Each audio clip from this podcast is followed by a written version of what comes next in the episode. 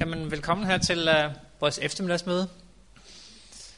Vi skal kigge lidt på nogle kapitler i Romerbrevet.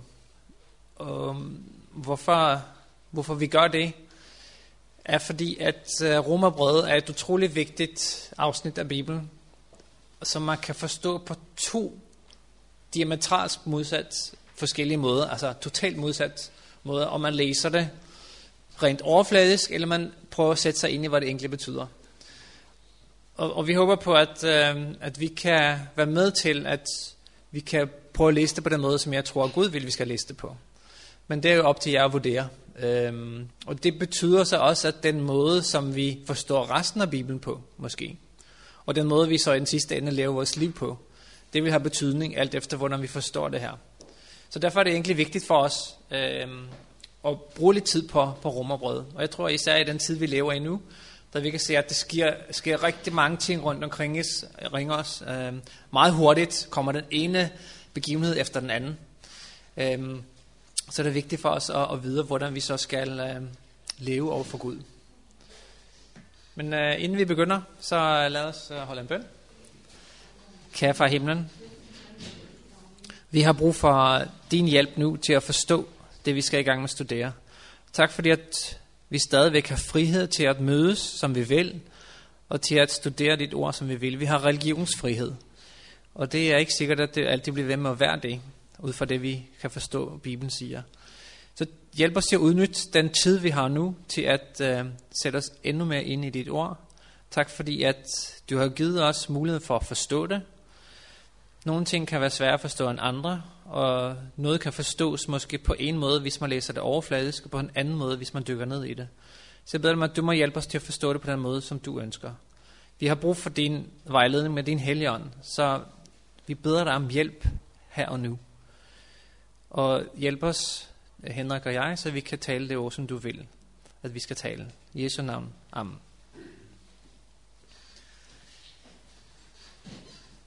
For to måneder siden er det vel nu, der havde vi det første møde, øhm, som var egentlig en gennemgang af de første tre kapitler af Romerbrevet. Og bare lige for, i det vi går i gang her med det fjerde kapitel nu, så tager vi lige en lille repetition af nogle af de ting, vi gik igennem, så I er upbeat, Henrik. Ja, og jeg forsøgte at vise på, på projekter nu her, hvad temaet over, hvad skal man sige, hvis man skal pille essensen ud af, hvad de forskellige kapitler handler om. Så kapitel 1, som egentlig er formålet med romerbrevet, det er at føre til det, vi kalder troslydighed til Guds navns ære. Hvilket kort fortalt er, hvis det er til Guds navns ære, så er det, at han lægger loven i vores hjerter, at vi ikke sønder imod ham. Så det er egentlig det, som formålet er med romerbrevet. At for at det kan være troslydighed, er det at føre mennesker til en tilstand, at de ikke sønder imod Gud. Og evangeliet, det er det glade budskab om Guds kraft til den, som tror. Kraft til, at han kan gøre det, han havde tænkt sig. Samtidig så fortæller det også om, at de, som undertrykker sandheden, de vil rammes af Guds vrede. Og hvilken sandhed er det?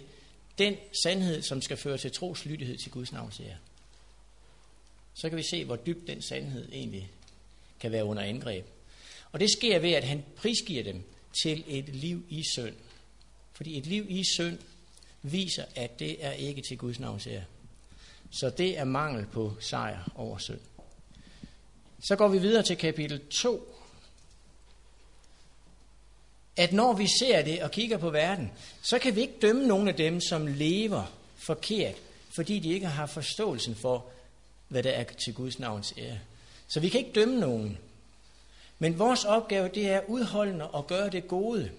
Fordi det er det gode, som gør, at det bliver gengældt med evigt liv. Men alle vil blive dømt. Nogle vil blive dømt uden loven, og andre vil blive dømt efter loven. Og de, som bliver retfærdige, er de, som gør loven. At kalde sig jøde overtræde Guds lov, det er det, der vander af Gud. Det er ikke til Guds navns ære. Og holder du ikke loven, så gælder løfterne ikke så gavner de løfter, som, som Gud har givet, så gavner de der ikke. Og jøde er man, når man har fået det nye hjerte. Det har noget med overgivelsen at gøre, det nye hjerte. Så det var kapitel 2, som tager den del op. Fordi så står problemet her i kapitel 3, det er, hvilken fordel har jøden så? Jamen, han har den fordel, at han har fået Guds ord betroet. Han har set, hvad det er. Gud er retfærdig på trods af, at hans folk er troløse. Så vil Gud være retfærdig. Han vil gennemføre det, han har sat sig for. Derfor så er der ikke nogen fordel. Alle er under lovens fordømmelse, fordi alle har syndet. Loven kan ikke frelse mig. Men lovens opgave er faktisk at vise mig min synd. Og Guds retfærdighed vises uden loven, men bevidnes af loven og profeterne. Ved at tro, at Kristus kom med løftet om loven i hjertet. Og Gud viser, at han er retfærdig ved at gøre den retfærdige, som tror på det løfte, Jesus giver. Så det er noget, der sker i os. Derved bliver loven ikke afskaffet, men den lever i os.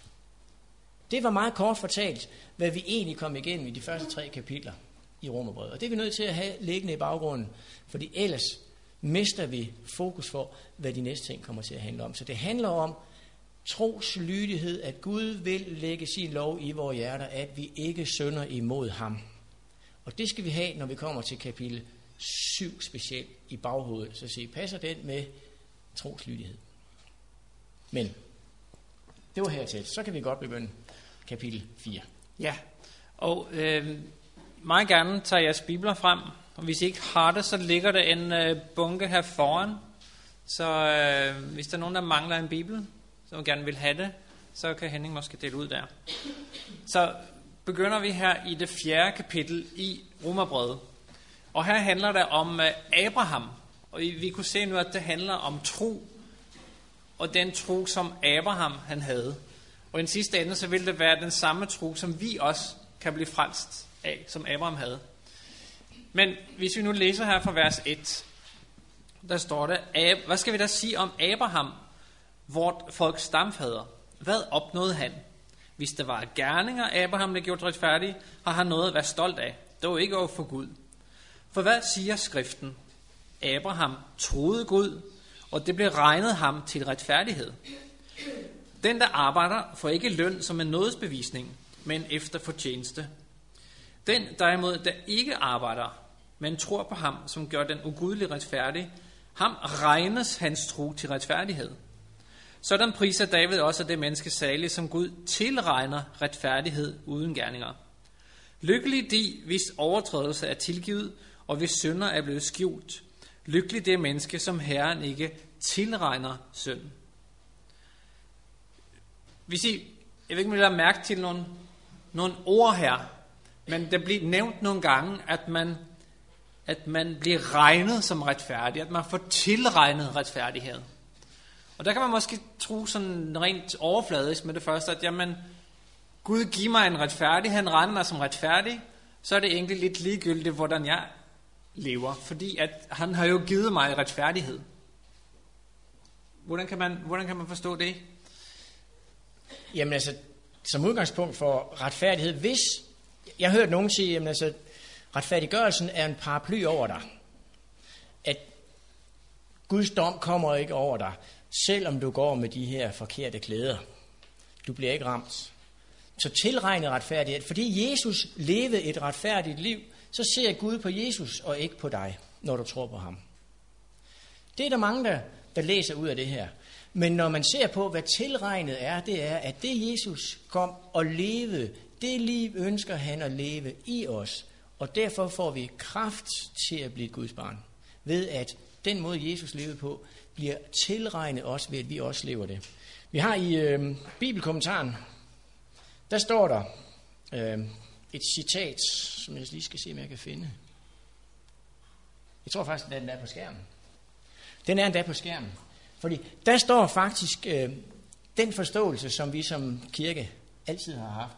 Ved, og det er Bibelkommentaren, volume 6, side 1098, ved at modtage hans tilregnede retfærdighed gennem Helligåndens forvandlende kraft, bliver vi som ham. Det er den forståelse, vi har om tilregnet, som vi har svært ved at tro, fordi vi bliver jo ikke som ham. Så om den er tilregnet ved, at Jesus levede sit liv, og fordi han levede et retfærdigt liv, så kører vi lige igennem. uden at det har påvirkning af vores liv. Der er dem, som ønsker ved retfærdiggørelse, ved tro og helliggørelse, at det skal skilles ad. Blandt andet ud fra den tekst. Jamen, hvis du tror på det, så er Jesu liv tilregnet dig sådan, at det han levede gør, at du bliver frelst, på trods af, at din helliggørelse ikke er startet. Men når jeg læser Romerbrødet, så var det ikke skille de to ting ad.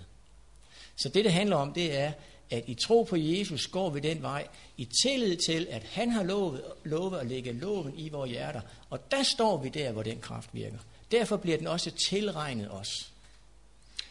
Og hvis vi går til, til det 22. vers i det 4. kapitel, der kommer vi lige om lidt. Men, men her står det bare som en konklusion, at, og derfor blev det regnet ham til retfærdighed. Og det er Abraham, det gælder. Så det kommer vi til lige om lidt. Hvorfor blev det regnet ham til retfærdighed? Det får vi vide lige om lidt, men konklusionen kommer altså der. Efter de første vers her, så, så spørger Paulus så, jamen, men øh, Abraham, blev han regnet for retfærdig før eller efter han blev omskåret? Så filosoferer han lidt frem og tilbage, og vi kan læse her fra vers 11, øh, med den her tilregnede retfærdighed, som han fik. Der står det, Omskærelsen fik han som et tegn og som et sejl på den retfærdighed ved tro, som han havde, inden han blev omskåret. For at han skulle være fader til alle de uomskårne, som tror. For at retfærdigheden også skal tilregnes dem. Men han blev også fader til de omskårne, når det ikke kun har omskærelsen, men også går i sporene af den tro, som vor fader Abraham havde, før han blev omskåret. Så det står rent faktisk det, at, at Abraham han blev regnet for retfærdig, før han blev omskåret og bagefter. Men før han blev omskåret, så blev han det, fordi han havde en tro på det, vi nu skal tale om. Han havde en tro på, at Gud kan gøre noget. Og som et resultat af det, eller, eller som en, et symbol på den tro, han havde, så blev han omskåret. Så derfor har han et øh, eksempel på alle de mennesker, som ikke er omskåret. Men på grund af, at han var omskåret, så bliver han også et, et eksempel på alle dem, som er omskåret, men som stadigvæk har troen.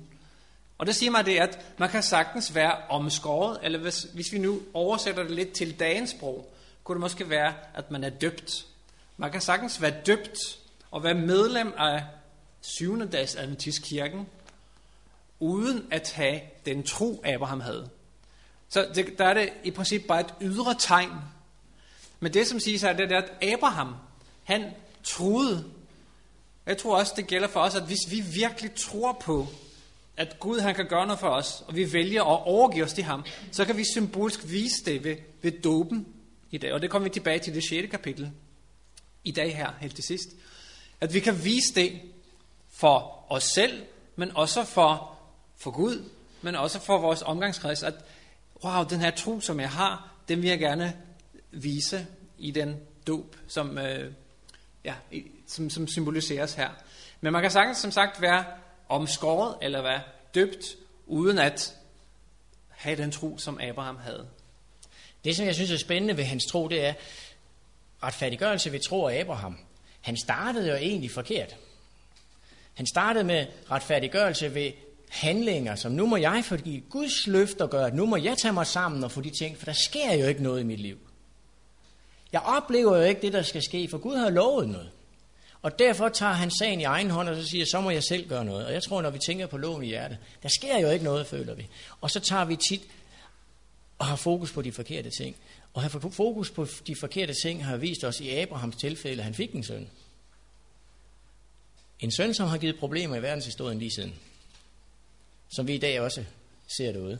Det var retfærdiggørelse ved egne gerninger.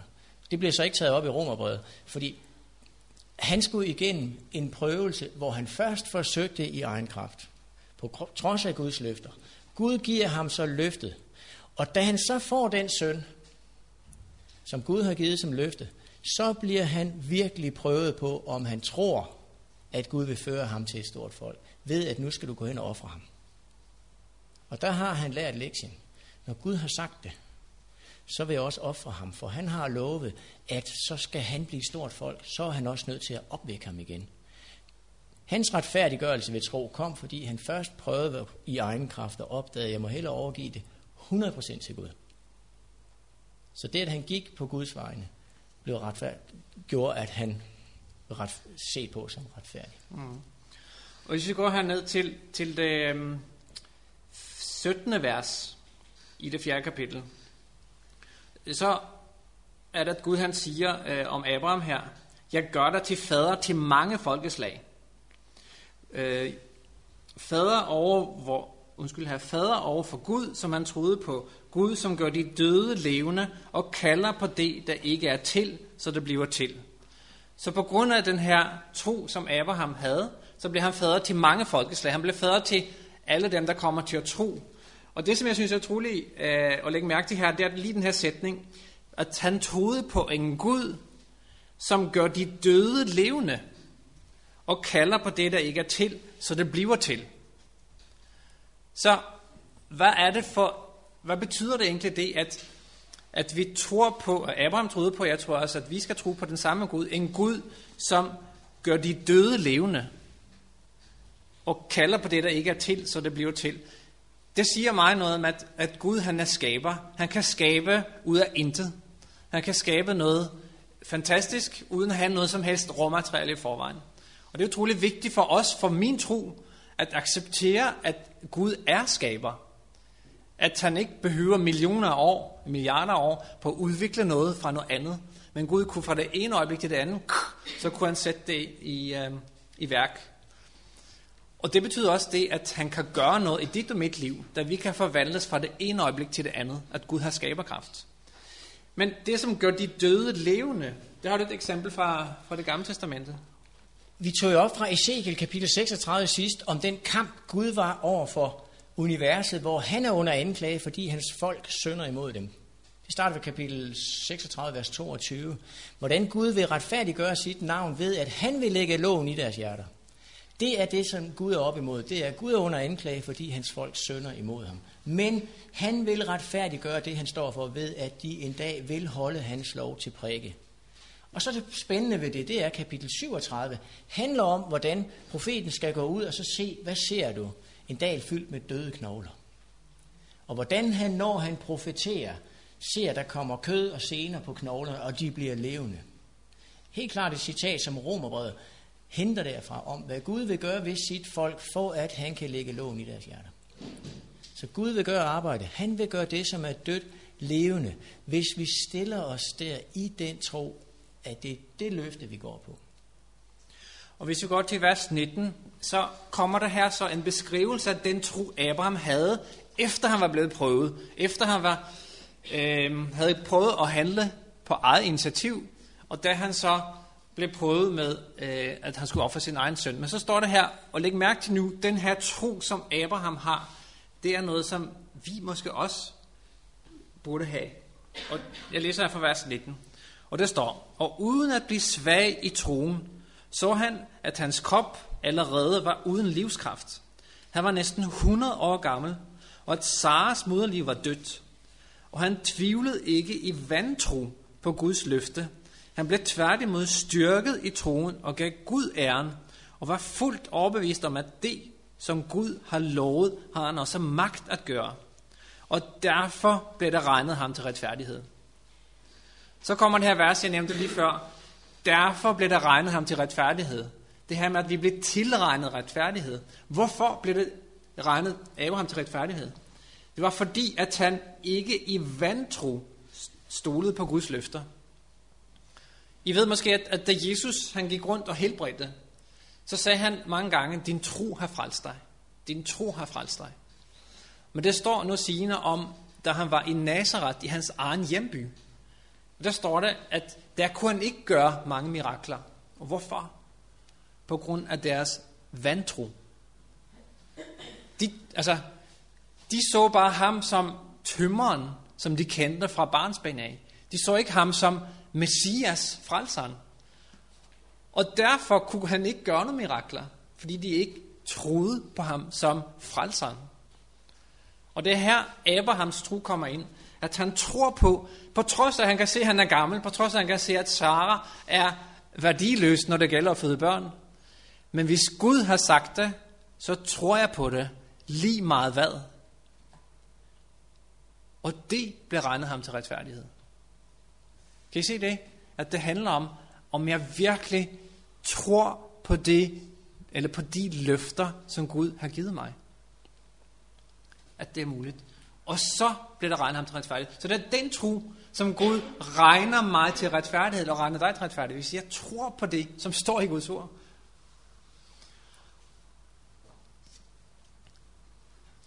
Okay. Og så står der her i vers 23 og 24. Men ikke for hans skyld. Alene står det skrevet, at det blev tilregnet ham. Det gælder også os. Det gælder også os, som det skal tilregnes. Os, som tror på Gud. Der oprejste Jesus, vor Herre, fra de døde. Så det gælder også lige så meget os, som det, som det gør her.